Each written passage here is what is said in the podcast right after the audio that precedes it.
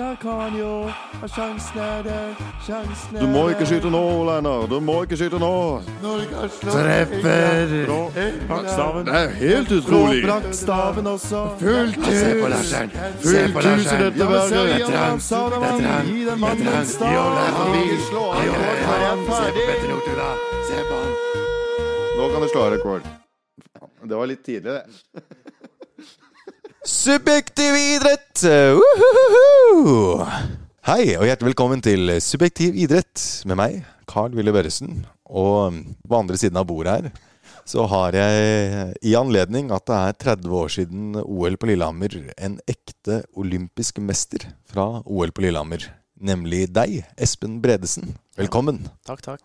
Og ja, Espen Bredesen, du kan jo fortelle litt om deg selv. Du har jo bedrevet hopp. Har du noen andre interesser innenfor idrett? Ja, jeg, jeg, jeg er vel kanskje ikke idiot, men jeg er eh, over snittet interessert i idrett, så jeg følger med på det meste, egentlig. Men eh, jeg følger med Vålerenga, og så følger jeg med Leopold. Ai, ai, ai. Så er det satt. Ja, Ja, så da det- brukte de vel hele sesongen på å havne rett ned, egentlig. Nei, men eh, la oss ikke snakke om uh, spilt melk. La oss heller snakke om eh, den gang da, da det ble gull og grønne skoger. For du er jo da olympisk mester i hopp fra OL på Lillehammer.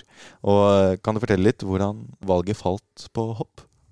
Ja, jeg, jeg brukte vel lang tid på å velge hopp, egentlig, men jeg, det var et eller annet med det Mm. som traff hjertet. Mm. Ja. For jeg drev med slalåm, jeg drev med langrenn, drev med jetski og alt mulig. Og, men vi hoppa jo, hoppa ned skrenter. Det var, men det var liksom hopp. Det var aldri Mm. slalåm. Nei. Ja. Eh, det var skauløyper, og det var, eh, det var alt som man kunne hoppe fra, som var tøft. Ja. Og det likte jeg. Så, og så er det litt av det berømte bananskallet, da. At eh, når vi var et sted, så var det også en hoppbakke der. Og så var det hoppskole en kveld, og så hooka de tak i meg, og så fikk jeg være med. ja. Hvor gammel var du da, cirka? Åtte-ni. Ja. Og så Da hoppa jeg på slalåmski. Mm. Og så fikk jeg prøve et par hoppski, og så bare rulla det videre, egentlig. Jeg hadde ikke noen ambisjoner om å bli god eller noe som helst, det bare rulla videre. Ja. Det var gøy. Og det var, eh, det var i Oslo. Da var det kanskje flere sånn småbakker rundt om? Ja, det var jo det. Vi hoppa ja, vi hoppa jo på Oppsal, selvfølgelig, men det var jo i Lindrudkollen en del, og vi var oppe i Kollbakken, oppe i det var idrettshøyskolen. Mm. Eh, og Årvollbakken var det som het, på, i Mm. Årvoll. Mm. Det var småbakker rundt omkring overalt, da, mer eller mindre. Mm, ja. Jeg har jo bare prøvd uh, hopp eh, svært få ganger i mitt liv. Det var uh, Norges Skiforbund. Da hadde satt opp en sånn liten sånn sommerbakke. Og jeg tror jeg, jeg tror jeg ikke klarte å stå i hockey ned den bakken engang. Var Nei, jeg har sett den bakken her. Eh, så det, det, Jeg klarte ikke å stå ordentlig. Men det var eh, utrolig merkelig. Men når bakkene blei større, og den blei brattere, så syns jeg det ble mer spennende. Ja, og det er forskjellen på deg og meg. Så, men jeg var jo Jeg, jeg gikk jo og spilte jo ishockey og en, en kamp på Jordal Amfi med klassen, ikke sant. Skolelaget, Mm. men jeg. På skolelaget. Jeg var, jeg var på svømmelaget i svømming. Jeg spilte tennis, bordtennis, badminton. Mm. Jeg, jeg gjorde det vi kunne gjøre, egentlig. Ja. Så- Mye variert. ja, for når var det du begynte proft, altså på verdenscupnivå med hopping? Nei, jeg prøvde å slutte som skihopper da jeg var 15, for da gadd jeg ikke mer. Nei.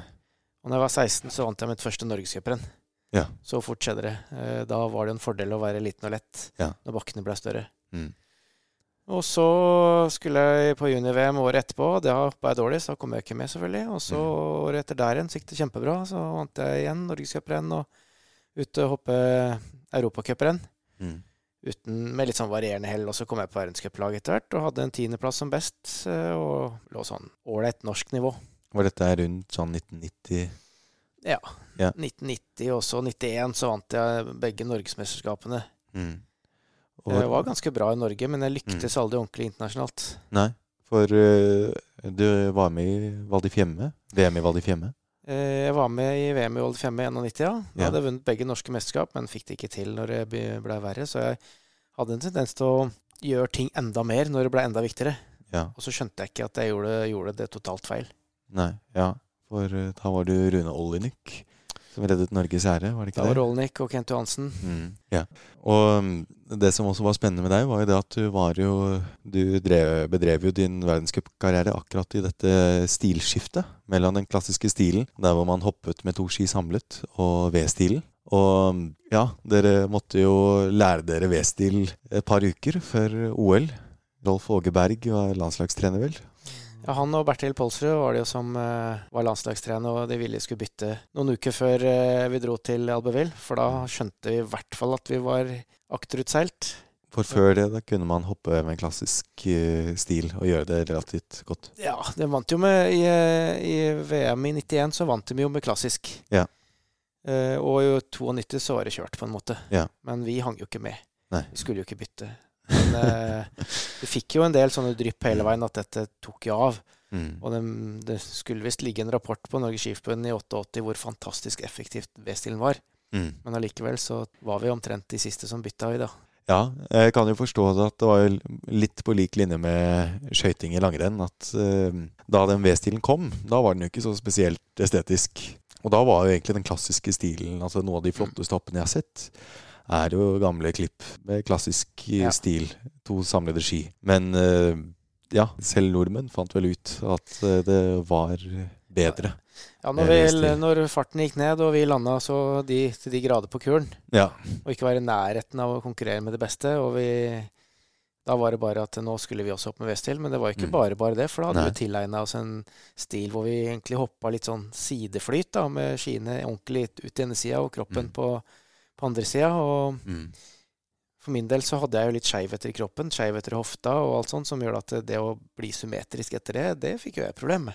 ja, det er interessant. Så, så derfor så fikk jeg ikke til å hoppe V-stil hele tiden. Det vrei seg jo i hofta og på hoppet, ikke sant. Så når jeg hoppa litt dårlig, så ble det skikkelig dårlig. Ja. Men uh, det var vel Matti Nukkenen som fant på den teknikken med å ha skiene på den ene siden av kroppen, litt Ja, på den det er jo to bæreflater, det også, så Ja. mer effektiv, effektivt enn å ha skiene under seg. Ja, Men eh, du endte jo opp da med det kunststykket å da komme sist og nest sist i Alvervill, og så gå fra det til å da ha to av de beste sesongene som noen hopper noensinne har hatt, nesten. Og hvordan eh, hadde det seg? Ja. Nei, jeg syns jo aldri at jeg var så dårlig eh, som det. For jeg var jo tredje lengst i trening og femte lengst i trening og sånn. Men når rennet kom, så gjorde jeg ting enda verre. Men jeg skjønte ikke at det var feil, da. Ja. Så jeg var jo så anspent og så kontrollerende at jeg hadde jo ikke nubb, egentlig. Så jeg begynte jo Vi fikk jo en ny trener som begynte å trene teknikk på en annen måte. Mm. Jeg begynte jo på idrettshøyskolen, begynte å forstå ja, filosofi, idrettsfilosofi, eh, anatomi, medisin. Og for, forstå hele dynamikken i det, Mm. og mekanikken. Og så begynte vi med mentaltrening. Mm. Og da så, så, gikk det jo opp noen lys for meg, og så sa jeg liksom Hvorfor har ingen fortalt meg det før? Jeg gjorde jo alt feil. Og når jeg begynte å hoppe bedre etter hvert, og begynte også å fokusere annerledes og tenke annerledes, både med positiv mental visualisering og positivt selvsnakk og full kontroll på når jeg skulle begynne å ha fokus, så begynte jeg å få til det jeg skulle enda bedre når det var mer press. Ja. Og når- det begynte å rulle, så skjedde det fort. Mm. Da ble jeg egentlig jævlig rå, for å si det sånn, Ja. i hodet. Når, når stresset og presset ble verre da òg, så begynte teknikken å sitte bedre og mer, og da skjedde det ganske fort. For Kan du beskrive nå hva det var du gjorde feil da i 92, f.eks.? Du gjorde riktig i Ja, 93 og 94? Sånn mentalt, eh, hoppmessig så var det også en del ting, selvfølgelig, da, for at eh, vi V-stilen førte ting litt med, med annerledes balanse på foten og trykk og en del sånt som var litt annerledes, så, så teknikken ble mye bedre. Men jeg eh, hadde jo tidligere full kontroll på alle andre. Jeg hadde full Mm. kontroll på hvilken fart vi kjørte. Vi hadde full kontroll på hvor langt jeg hoppa i prøveomgangen. Mm. og hvor langt jeg kom til å hoppe i neste omgang hvis at vi beholdt farten eller gikk ned. Full kontroll på vinden. Mm. Hadde full kontroll på det meste, egentlig, bortsett fra at jeg eh, hadde begynt å lekke energi. da. Når det Mm. først var min tur, så var jeg som en stålfjær. Ja. Og det funker ikke i skihopping. Da skal du slippe kontroll, og da skal du ha dynamikk. Eh, Og det å ha kontroll på ting når, når farten begynner å nærme seg 100 km, det er det du registrerer da, er på en måte skjedd ti meter opp i tilløpet. Mm. Så det er for seint. Så det å slippe kontroll, det er kunststykket. For eh, hvordan er det å sitte på en, på en bom Mm. og se ned? Tenker du over at du ser nedover en dal, eller er det bare Dette er gøy. Ja, eller har fullt fokus på oppgaven jeg skal gjøre, egentlig, og det Ja. er bare én. Ja. Jeg har størst evne til å gjennomføre. Ja. Uh, og Og jeg hadde jo trent mye mental trening før jeg satt utfor. Og det er jo sånn at når stresset er størst, så bør egentlig avgjørelsen være tatt. Mm. Så når jeg først sitter på Mm. bommen, så er avgjørelsen tatt på hva jeg skal gjøre. Jeg Mm. slipper å vurdere om jeg skal gjøre sånn eller sånn. Avgjørelsen er allerede tatt. Og da er det ganske enkelt å sitte der med enormt stress og press, for du vet eksakt hva du skal gjøre. Mm. Ja. Det er litt som å ta et straffespark. Eh, ja, hvis du vet hvor du skal sette den, så. Hvis du ikke Ja. eh, venter på at keeperen skal gjøre et eller annet, eller ha en plan. Men ofte så er det sånn at man går inn i bobla altfor tidlig. Mm. Det også, Eh, også det ja. å bli påvirket av, påvirket av omgivelsene, det er jo det som er vanskelig. Mm. Du kan sitte på toppen, og så blåser det. Det kan være jævlig. Eller det er 40 000 på tribunen. Det er jævlig. Eller så leder du. Eller så hører du spikeren si hvor langt de andre hopper. Og så må du begynne å regne ut hvor langt skal du hoppe sjøl for å klare det. Mm. Du er bare med på å forstyrre konsentrasjonen din. Mm. Og det samme er med straffespark. Mm. Går det videre, går det ikke videre? Hvor Mm. mange må jeg, må jeg sette den, eller må jeg ikke? Mm. Eller er det, hvordan ligger dette an i hele straffekonkurransen? Eh, konkurransen? hvordan, hvordan ligger han? Liksom, hvis sånne tanker begynner å komme inn, da er det jo på en måte Mm. null fokus på deg selv lenger. Det er også mindre sjanse for å bli skadet fysisk om man gjør en feil i straffekonk kontra et skihopp. Det er også, og hvis du begynner å tenke på at dette kan gjøre vondt, eller at det kan begynne å bli farlig, hvis det begynner eh, dårlig forhold eller eh, mye vind eller, sånne ting, så har du kanskje en indre stemme som holder igjen litt. Mm. Da er det også kjørt. Ja. Så det å ha den indre stemme som alltid er offensiv, også utenom hoppbakken, så at når du kommer til hoppbakken, så er den indre stemmen sånn som den skal være Mm. når ting begynner å bli tøft. Mm. For det er da, da, da det havner tilbake igjen. Og det er jo en treningssak over Mm. mange måneder, ikke sant? Det kan mange år kanskje òg. For dette, da det først gikk bra, VM i 93 i Falun, var det din første internasjonale seier? Ja, det var nok det. Oi. det var nok det. Så startet på topp? Mm. Eller, ja. Da du Jeg først skulle jo- vinne? Jeg hadde jo fått med meg litt bagasje, så Ja. selvfølgelig ja, nei, Jeg kunne godt tenkt meg å ha vunnet tidligere, det er det, men, det, men det, det var jo en læringsprosess fram til da også. Mm. At da, da var et VM, det var kanskje tilfeldig, men da var jeg klar for å vinne. Ja. Uavhengig av hva det var for noe. Ja, Spør Rune Welta. Han eh, sparte jo også første seieren til VM i Falun. Ja. Det er morsommere å vinne da enn uh, Ja, vanlig nei, ja Eller jeg vet det- ikke hvordan det føltes. Var det noen forskjell for deg å vinne mesterskap kontra verdenscuprenn? Ja, sett i ettertid så var det kjempeforskjell. Ja. Sett i ettertid. Men der og da så hadde jeg lykkes med noe jeg trente på, Mm. og noe jeg hadde full fokus på, og noe jeg skulle gjøre i det ene hoppet. Mm. Eh, Og, og i neste hopp, på den, sa- for den saks skyld, da, Mm. som jeg har blitt enig med treneren at det skal jeg gjøre. Og jeg skal vente med å holde fokus til det er din tur, og så må du bare lure hodet til å tenke på andre ting og være trygg på at uh,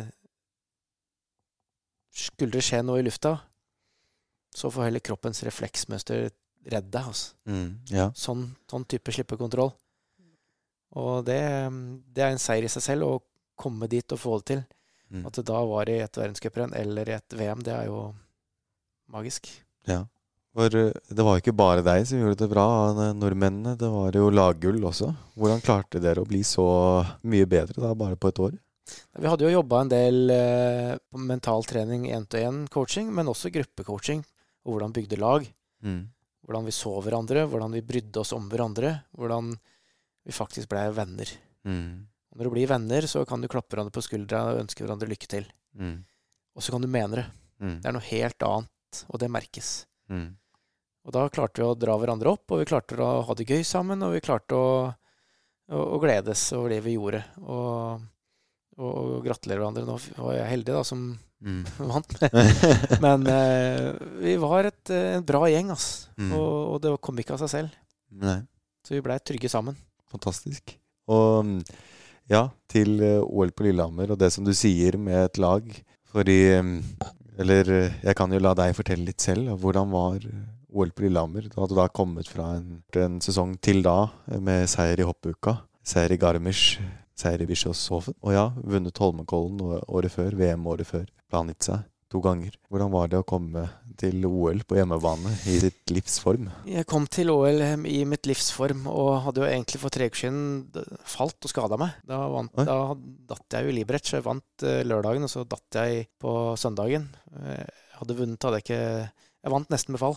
For Bindingen løsna i nedslaget. Og da skada jeg meg litt, så det var en litt sånn eh, hektisk eh, oppladning også. Jeg, måtte, jeg klarte meg unna og var med alle verdenscuprenna, men det var en Mm. hektisk eh, innspurt for å bli klar, egentlig. Og så hadde vi også da jobbet mentalt med å bryte barrierer fram til OL, for at skulle du plutselig stå og lede OL på hjemmebane, så kunne jo det være en sånn ut, ut av verden-opplevelse at du nesten Mm. Ble så nervøs som du aldri noen gang har blitt. Og Ja. det kunne vi ikke bli i hoppbakken lenger, for at der var vi såpass trygge. Nei. Så vi dro jo til toppen av Trollveggen og rappellerte og klatra der, og hoppa i fallskjerm og gjorde ting som var annerledes, for å kjenne Mm. på makspuls Ja. og mestre det.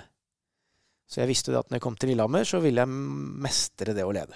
Ja. Det ville jeg ikke ødelegge for at jeg skulle klargjøre oppgavene. Ja. Så jeg var jo sånn sett trygg, selv om folk forventa gull. Mm. Men jeg hadde så sterkt fokus på, på de tingene jeg skulle gjøre, at, eh, at jeg var egentlig ikke redd for å mislykkes, for at jeg hadde fokus på dette. Mm. For um, det startet jo med K stor bakke. K120. Da var det jo en, en tysker som ikke gjorde seg sånn veldig populær i løpet av mesterskapet, da. Men da Det er jo Jens Weissflog som jeg snakker om. Eneste, vel, som eh, har klart å vinne både med klassisk eh, hoppstil og V-stil. Hadde da vunnet OL ti år før, i Sarajevo. Nå, du kan jo fortelle litt om den eh, øvelsen, da. Ja, nei, det eh, Weissflog var, var god. Han var eh, god som klassisk hopper, og så ble han så god som eh, med V-stil, så, så ære være han for det. Men, eh, men han var, ble nok kanskje litt sint når han ikke fikk ting eh, på sin måte, og ikke lykkes, så ble han forbanna. Mm. Og jeg kom jo fra, fra en hoppukeseier og hadde skada meg litt og kom inn i OL og var i kjempeform, egentlig.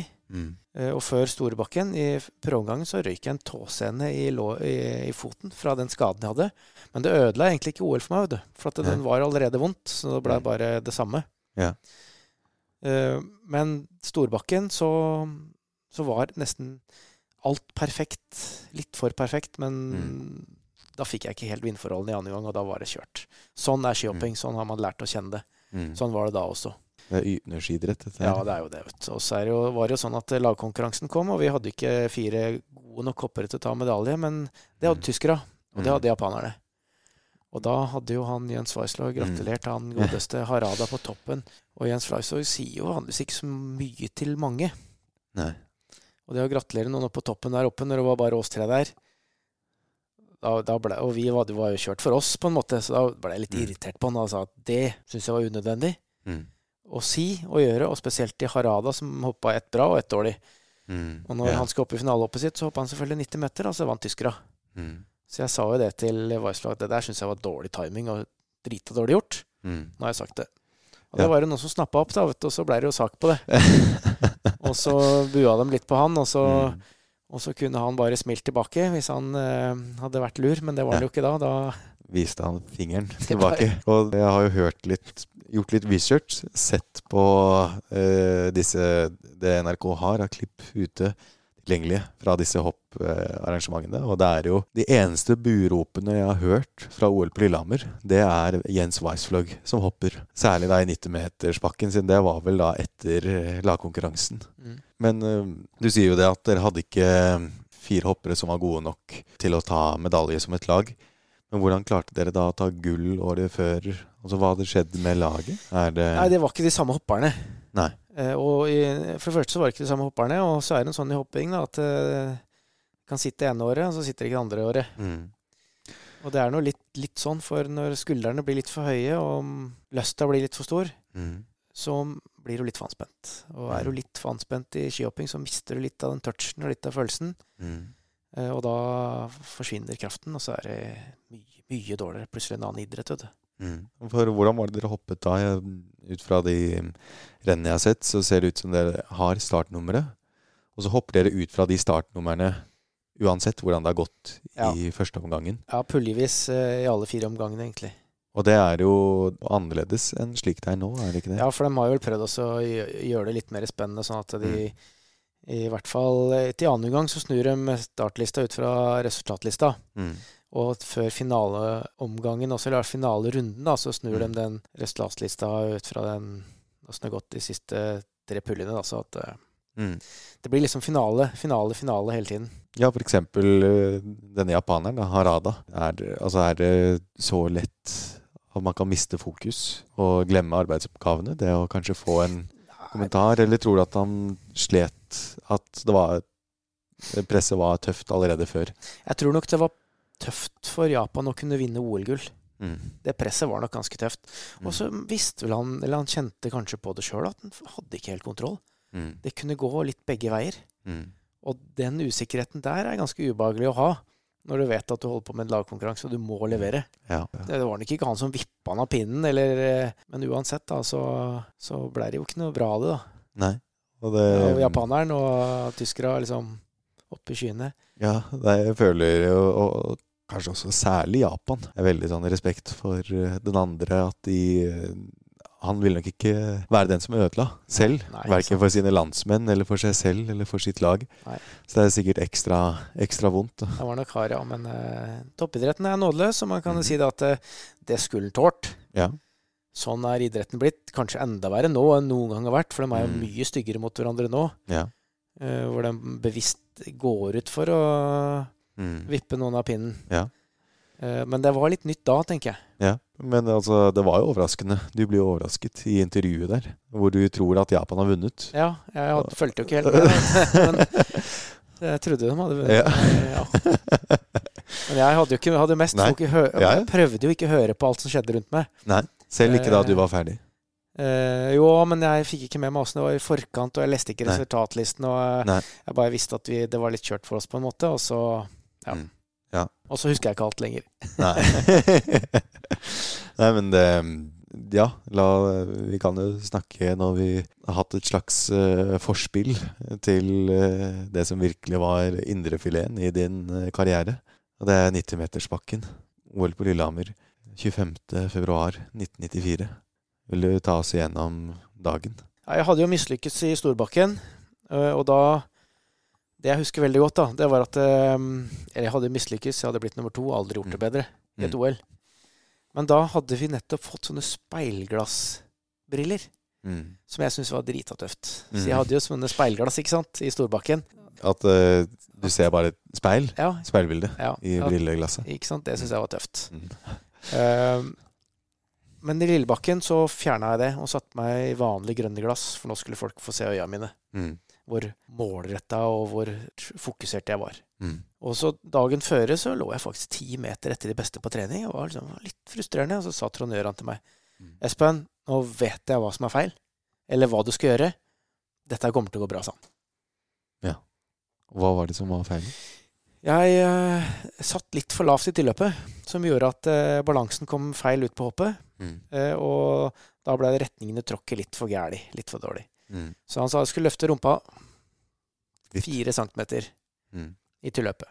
Mm. For da kom jeg litt mer opp i, i balanse, og når trykket tok meg da, så, eh, så satte jeg bedre, sånn at når jeg tråkker til, så skyter det ut istedenfor at det går bakover. For Mm. å si det litt enkelt. Ja. Og den dynamikken, og da var jeg verdens beste hopper, så gi meg én riktig oppgave, så blir jeg best igjen. Mm. Heldigvis så var jeg så bra. Mm. Så da visste jeg det at eh, det skulle jeg klare.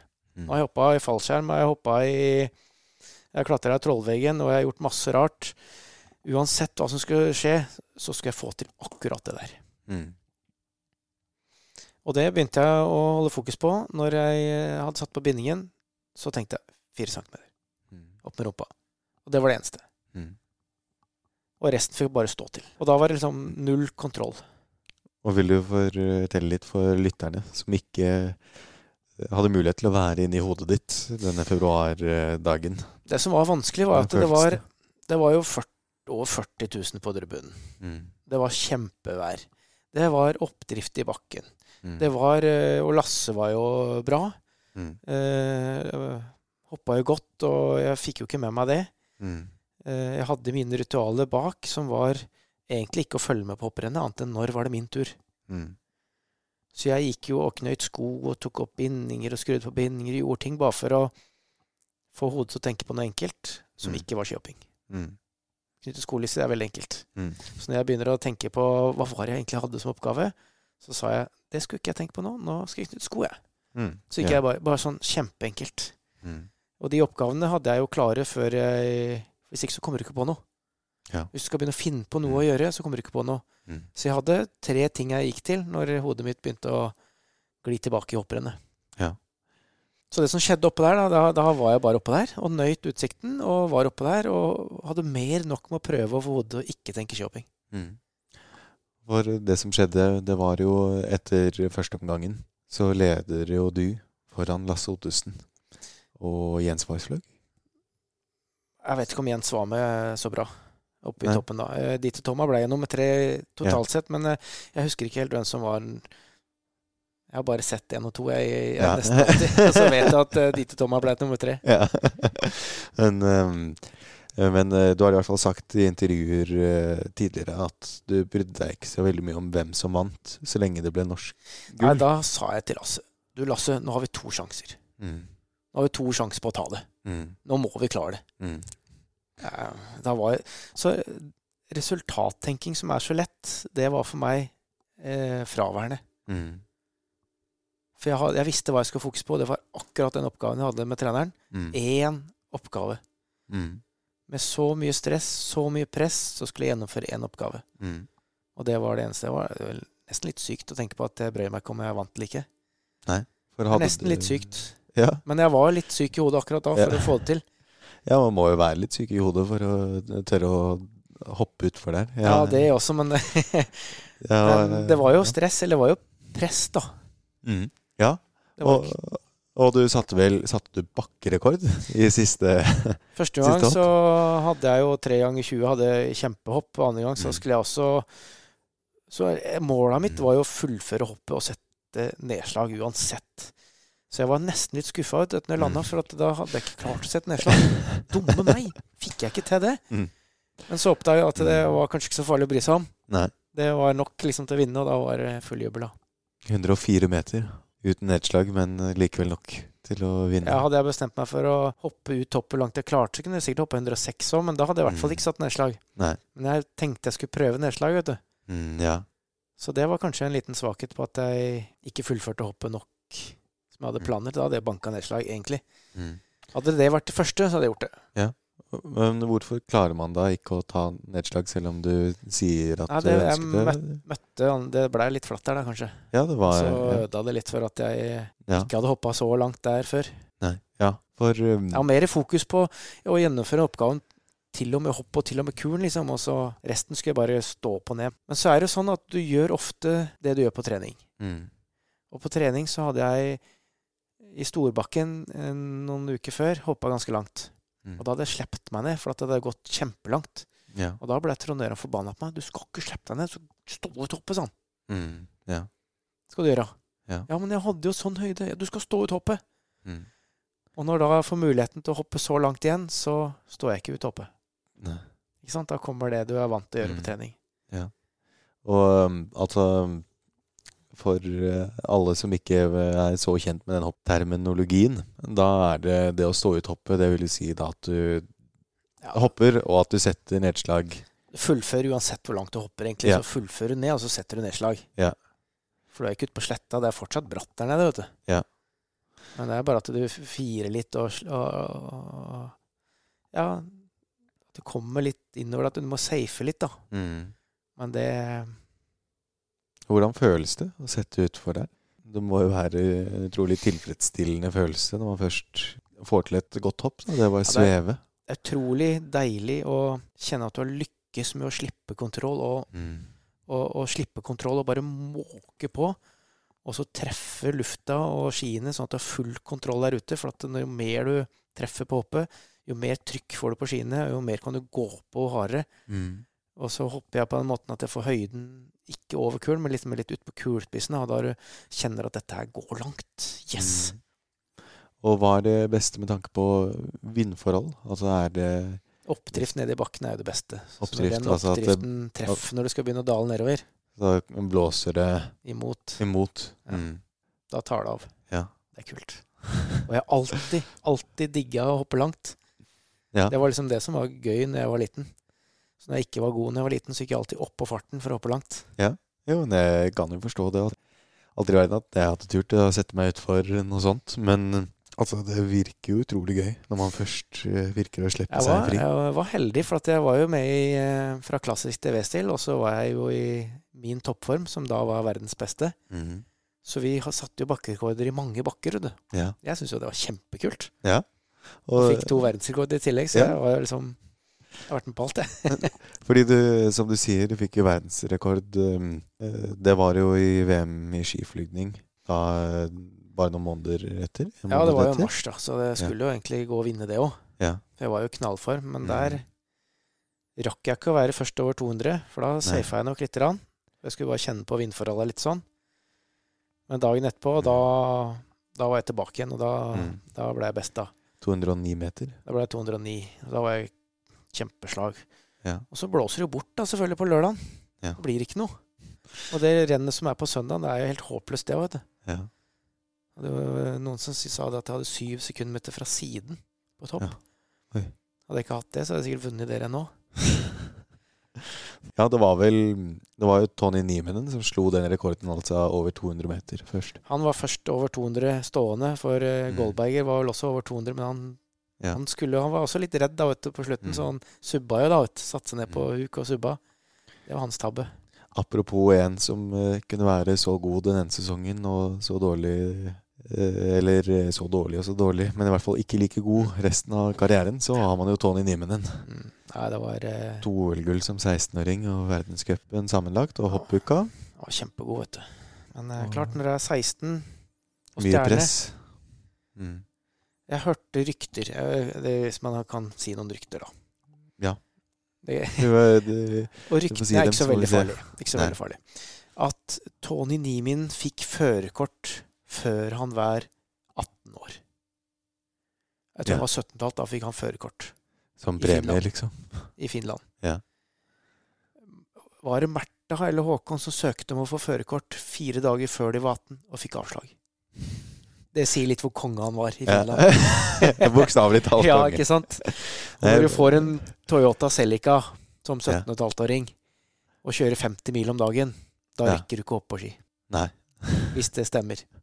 Men jo, tilbake til VM i skiflygning. For det er kanskje det morsomste innenfor skihopp som jeg vet om. Og det er så gøy å bare se på også. Og det er er så flott å se på folk som flyr, svever ned. Nå hopper vi flere skiflygingsrenn enn det vi gjorde. Vi gjorde ett renn, ikke sant? Og det var det. Det var VM i Omtrent. skiflyg. Ja, det var liksom det rennet det året. Mm. Den vinteren, da. Nå Mm. hopper vi flere renn og får øvd seg litt mer. Mm. Nå har de isspor med Mm. fartsøkning helt fram til hoppet. Perfekte isspor. Mm. Alle bakkene er jo på en måte bygd innenfor en norm. Mm. Ser nesten helt like ut. Mm. Og så hopper en V-stil med trygge bindinger og, og mye mer stabilitet. Mm. Så nå ser det jo ganske trygt ut. Mm. Ja. Men, men tankene tar deg likevel der oppe. Ja. Tankene tar deg, så hvis ikke beslutningene er tatt når du sitter på bommen, så hopper du bare ikke langt nok. For ja, du snakker om uh, moderne hopp, og det er jo han eh, Daniel André Tande fikk jo oppleve det, hvor galt det nesten kan gå. Det unnarennet er uh, brutalt, og det er langt når det går galt. Hva, hva er det som skjer da? Er det mentalt som gjør det? Er det det at man blir usikker på noe, at man gjør noe feil? Er det været? Ja, det er jo en kombinasjon med vær som regel, da. Mm. At det er litt, litt vind også. Jeg veit ikke helt åssen det var da, for jeg var ikke der. Jeg har egentlig ikke hørt det, men ofte så så er en ikke redd for å sette utfor lenger, men du vil litt for mye. Og litt Mm. for mye kontroll. Mm. Du passer på litt med balansen, og så stemmer det kanskje ikke helt. Og så har du allikevel bestemt det, Mm. og så gjør du noe som ikke er korrekt for at du vil for mye, men du gjør ikke det du har bestemt deg for å gjøre. Mm. Og så måker du på allikevel. For langt framme eller et eller annet.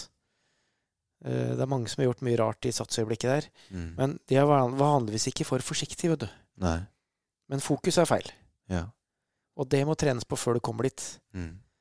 Eh, Når du sitter der oppe og fokusfeil da, så kan du gjøre sånne, sånne fatale feil. Mm.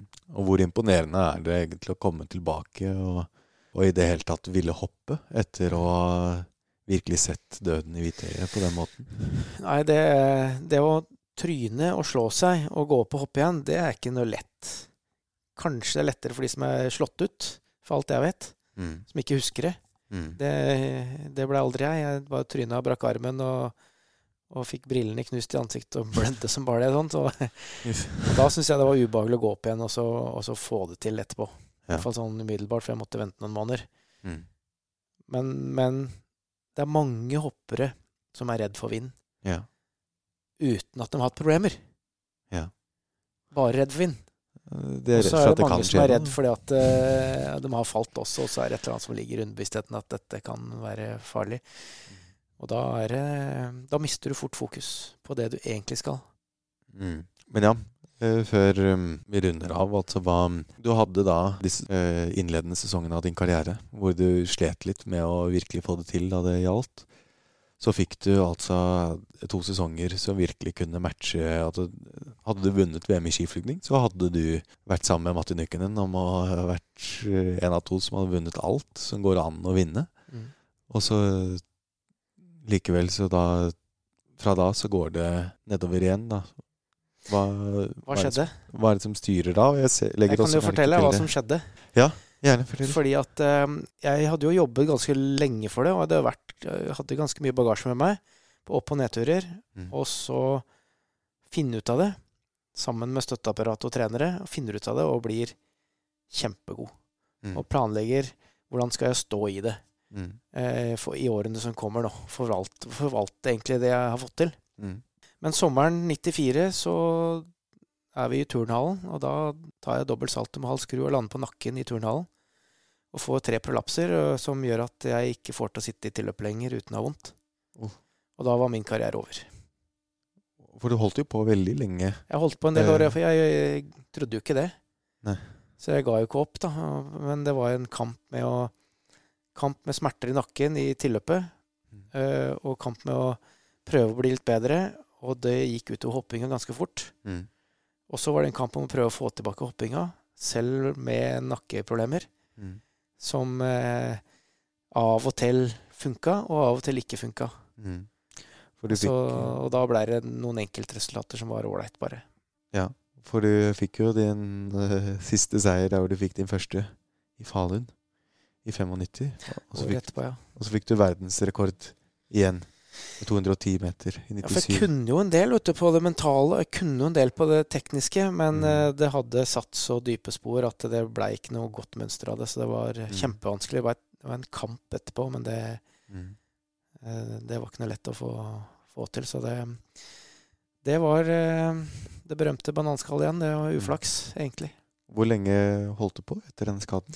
Nei, jeg ga meg vel i 99-2000-sesongen. Da var det gått nedover så mye at Og lært masse om eh, mental trening og, og teknikk, og hvordan trenere fungerer godt, og hvordan trenere ikke fungerer godt, og hvordan støtteapparat og lag fungerer godt sammen og ikke fungerer godt sammen. Men selv Men for min egen del så fungerte jeg aldri godt. Ja.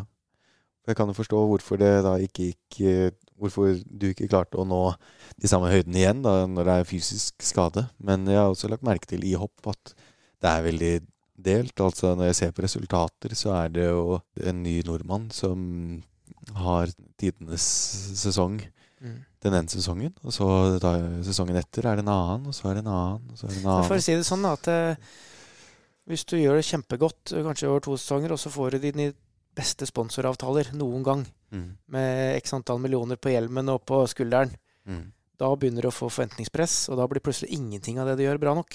ja, Fordi at du har så lyst til å innfri. mm, Og når ingenting blir bra nok, bare høye skuldre hele tida, så er veien ganske fort at du aldri blir fornøyd. mm, Og ingen, ingenting er bra nok rundt deg, og bare misfornøyd. mm. Da svinger det fort i skihopping, i hvert fall. Og hvor stort er det da, altså skihoppere som har klart å være gode over ja, i hvert fall relativt lenge, da? Du hoppet vel sammen med Mm. Matti Nykkenen Ja, det er Litt, noen som, så vidt? som ikke bryr seg, ikke sant? som er Mm. gode. Ja. Og så går det an å være smart. Ja. Så det er liksom begge deler. Men det er vanskelig å være god to toppidrettsutøver lenge. Mm. Da gjør du mye som er godt. Og Matti Nykkenen la jo opp tidlig også. La opp som 27-åring eller Mm. 28-åring. Det var vel også av V-stilen, var det ikke det? At han Ja, da begynte han å sli, slite, han også, ja. Vi skal avrunde det snart, men uh, først Det er jo mitt navn. Jeg vet ikke om du har stusset over det. Jeg kaller meg jo da Carl Ville. Det er min eh, finske familie. Og det var min mamma som hadde lyst til å gi det. Hun syntes det var et så flott navn. Og jeg er oppkalt etter en skihopper. Jeg er født i 99. Klarer du å gjette hvem jeg er oppkalt etter? Født i 99 og ville. Um, jeg har noen tips. Han var god Altså, han var var aldri god nok til å vinne noe individuelt. Eh, Han hadde kanskje et par verdenscupseiere. Men han har da i hvert fall to sølv fra VM i Lahti i lagkonkurranse. Men holdt på da fra ja, rundt den perioden da, fra 97 til 2004, eller hva det var. Kort karriere. Nei, jeg er ikke helt sikker. Ville Kanté. Jeg, ville, jeg, jeg kom bare ikke på det, men så det sier du det, ja. Ja. ja. Så jeg Så morsomt, da. Opp, eh, oppkalt etter en skihopper. ja morsomt, det. Så det, det er jeg litt stolt av. Det er morsomt. Har litt hopp i meg. Bra. Bra det. Eneste jeg har eh, som kan minne om hopp. Men det blir for seint. ja, skal runde av. Men du kan runde av med Siden det har vært en slags eh, OL på Lillehammer spesial, slash hopp spesial, hvordan var det? Du skulle ha beskrevet det da, på et par setninger nå. Hvordan var det å delta i et OL på hjemmebane? Det var helt det, det florerer med uttrykk i dag, men det var magisk. Mm. Det var kjempestort. Det fantes ikke internett på den tida der, så alle som ikke var interessert i idrett, så det på TV allikevel, eller måtte lese om det i avisen hvis de tok opp avisen. Mm. Det betyr at det er mange som ikke er interessert, som allikevel så det og fikk Mm. det med seg. Og det hører jeg en dag i dag. Mm. Folk som enten var der eller så det, av eh, godt voksne mennesker. Det syns jeg er så gøy å høre. Mm. Eh, historier fra hjemmefra, eller når de frøys i bakken der. Mm. Så det hører jeg enda 30 år etterpå. Det er morsomt. Det er fantastisk at dere tør å sette utfor der. Jeg har tatt den der eh, stolheisen opp. Jeg besøkte noen venner på Lillehammer, og jeg fikk høydeskrekk bare av det. Jeg turte ikke å ta den Jeg kunne bare ta den opp, siden jeg orket ikke å ta den ned. Eh, Så det å skulle hoppe ned eh, Nei. Jeg merker at jeg blir uvel bare av tanken. Men ja. Tusen takk, Espen. Du skal få dra videre til din kone. Så bare, tusen takk for dette spontane, men utrolig hyggelige intervjuet. Det har vært fantastisk å høre fra en ekte OL-vinner på Lillehammer. Takk for det. Tusen takk.